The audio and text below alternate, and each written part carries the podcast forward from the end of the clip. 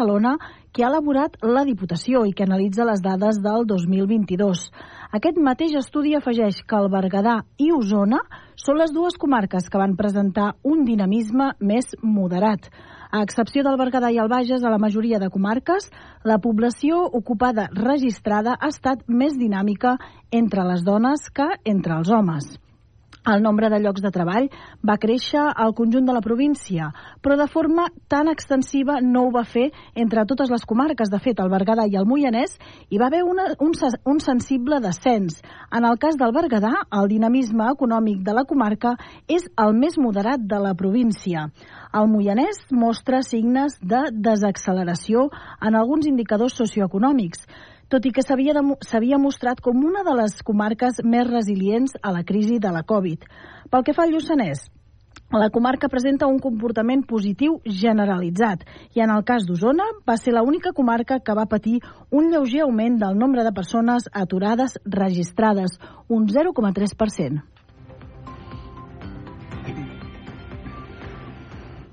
Continuem amb, ara amb una de les notícies nadalenques d'aquestes èpoques, i és que el príncep Assuan ja és a Manresa. L'emissari reial va arribar aquest dimarts a la tarda a la capital del Bages.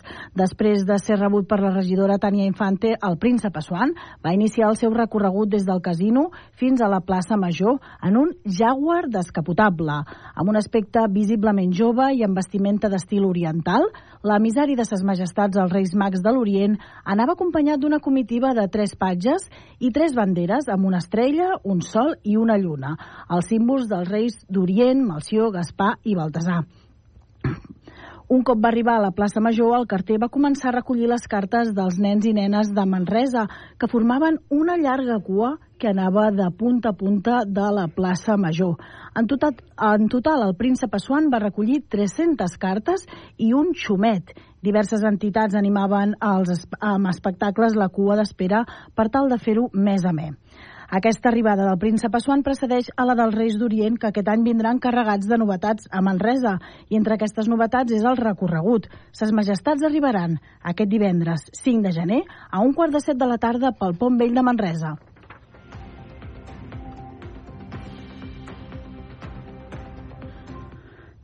El govern espanyol pacta amb la Generalitat construir sis habitatges de lloguer social a Cardona. Ens ho explica el nostre company, l'Eduard Font. El govern espanyol ha pactat amb la Generalitat i 10 municipis construir 616 habitatges de lloguer social a Catalunya. Entre aquests municipis s'hi troba Cardona. Martorell és la ciutat més beneficiada, amb 130 immobles. A Cardona només se'n construiran 6. Pel mig hi ha Sant Pere de Ribes amb 129, Sabadell amb 108, Sitges amb 62, Sant Boi de Llobregat amb 48, Barcelona amb 40, Olesa de Montserrat amb 25 i Mata de Pera amb 8. El Ministeri d'Habitatge i Agenda Urbana aportarà 17 milions dels 107,6 milions d'euros pressupostats que aniran a càrrec dels fons Next Generation. Del total d'habitatges, 240 es faran en règim de promoció pública i 376 a través de la col·laboració público-privada. La previsió és que les obres estiguin finalitzades el 30 de juny de 2026, segons l'executiu estatal. El Ministeri d'Habitatge ha detallat que anteriorment ja s'havien firmat 76 acords amb Catalunya per finançar 4.373 33 habitatges de lloguer social i assequible amb una aportació de 137,4 milions d'euros.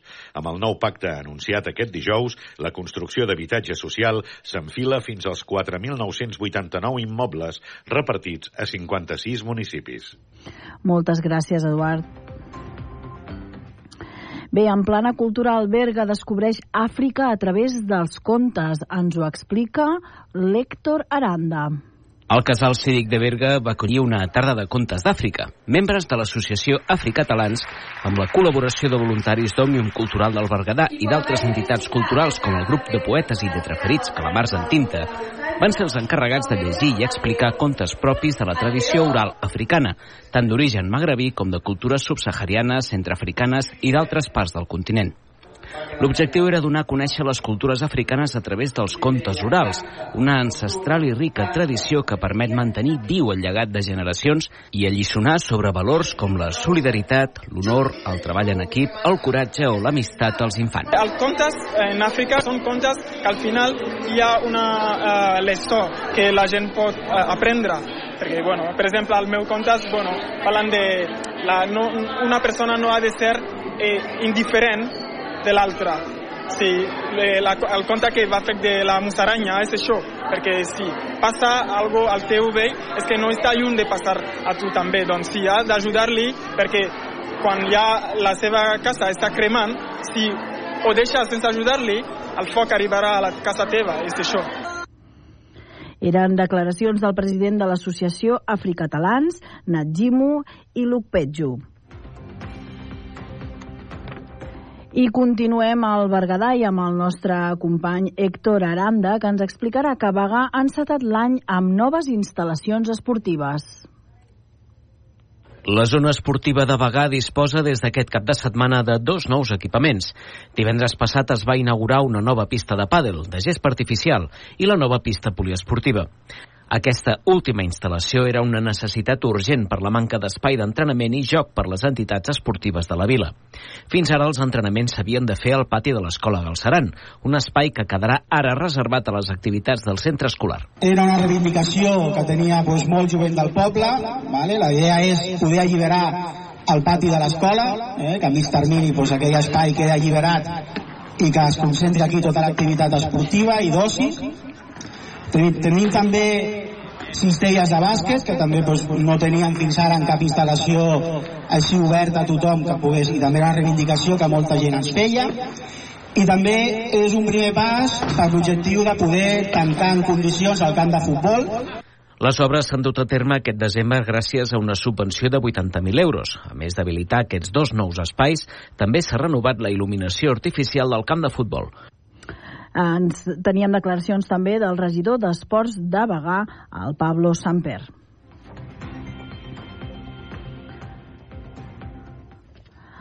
Amb el canvi d'any ja és una tradició a pujar les tarifes dels peatges. A, a partir de l'1 de gener el peatge de l'autopista Terrassa-Manresa ha augmentat el 3,5%, mentre que la resta dels peatges han pujat un 3,33%, incloent el túnel del Cadí.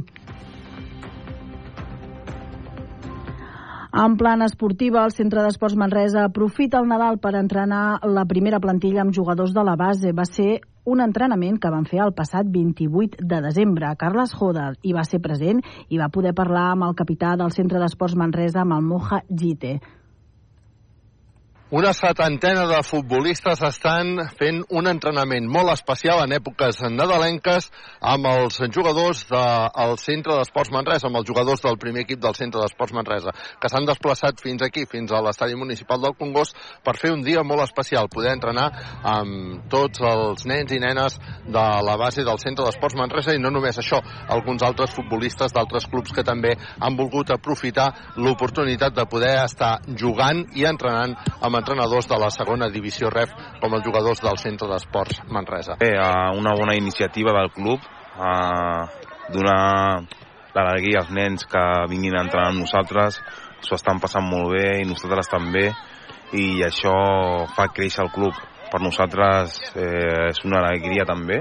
Una activitat que ha estat tot un èxit malgrat el fred que fa la base del Centre d'Esports Manresa fent entrenaments molt seriosos amb els seus jugadors i amb els seus ídols. Porto molts anys aquí i si ho, ho haguéssim fet abans Uh, quan jo era, per exemple, infantil o cadet, uh, estaria molt il·lusionat. I ja, ja se'ls veu als nens que estan molt contents i això, això fa, fa club un centre d'esports Manresa, que a més ha anunciat que el proper 8 de febrer hi haurà l'assemblea del club. Per tant, un centre d'esports Manresa que prepara una recta final de temporada on espera que a nivell del primer equip les coses li vagin com a mínim igual de bé. Amb una segona ref que està sent veritablement difícil. Uh, ja sabem que és una lliga molt igualada, Uh, cada, cada partit és com una final, cada, cada equip pot guanyar, uh, guanyes un partit o dos i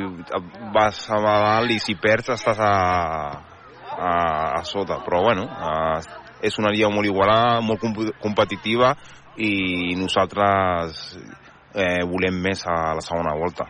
Però que el Centre d'Esports Manresa, de moment, en la primera volta, ha superat amb nota perquè està fora de la zona de descens. De fet, tan a prop de la zona de descens com de la zona de playoff.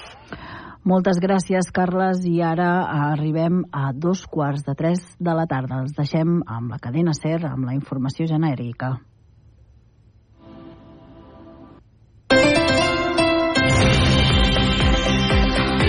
Hora 14. El láser.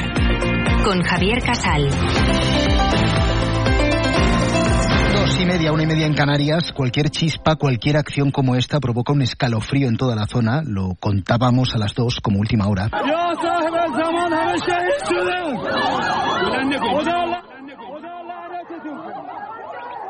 Una doble explosión en un cementerio de la localidad iraní de Kerman, un cementerio en el que se conmemoraba el cuarto aniversario de la muerte a manos de Estados Unidos del general Soleimani. Pablo Morán, jefe de Internacional de la SER, ¿qué tal? Muy buenas tardes. Hola Javier, buenas Eh, tardes. las imágenes que estamos viendo, que nos llegan, son muy duras y las cifras de, de muertos siguen aumentando por minutos. Se habla ya de al menos 70 fallecidos. ¿no? Sí, es el, eh, el resultado provisional de esas al menos dos explosiones en la ciudad de Kerman, al sur de Irán, en un momento muy delicado para la región, como decías, y en un día muy señalado, simbólico, en el día en el que se conmemora el cuarto aniversario de la muerte a manos de Estados Unidos de un icono militar nacional allí en Irán, del general Qasem Soleimani, abatido en 2020 en Bagdad. De hecho, las dos explosiones se han registrado en el mismo cementerio en el que está su tumba y en el que se estaba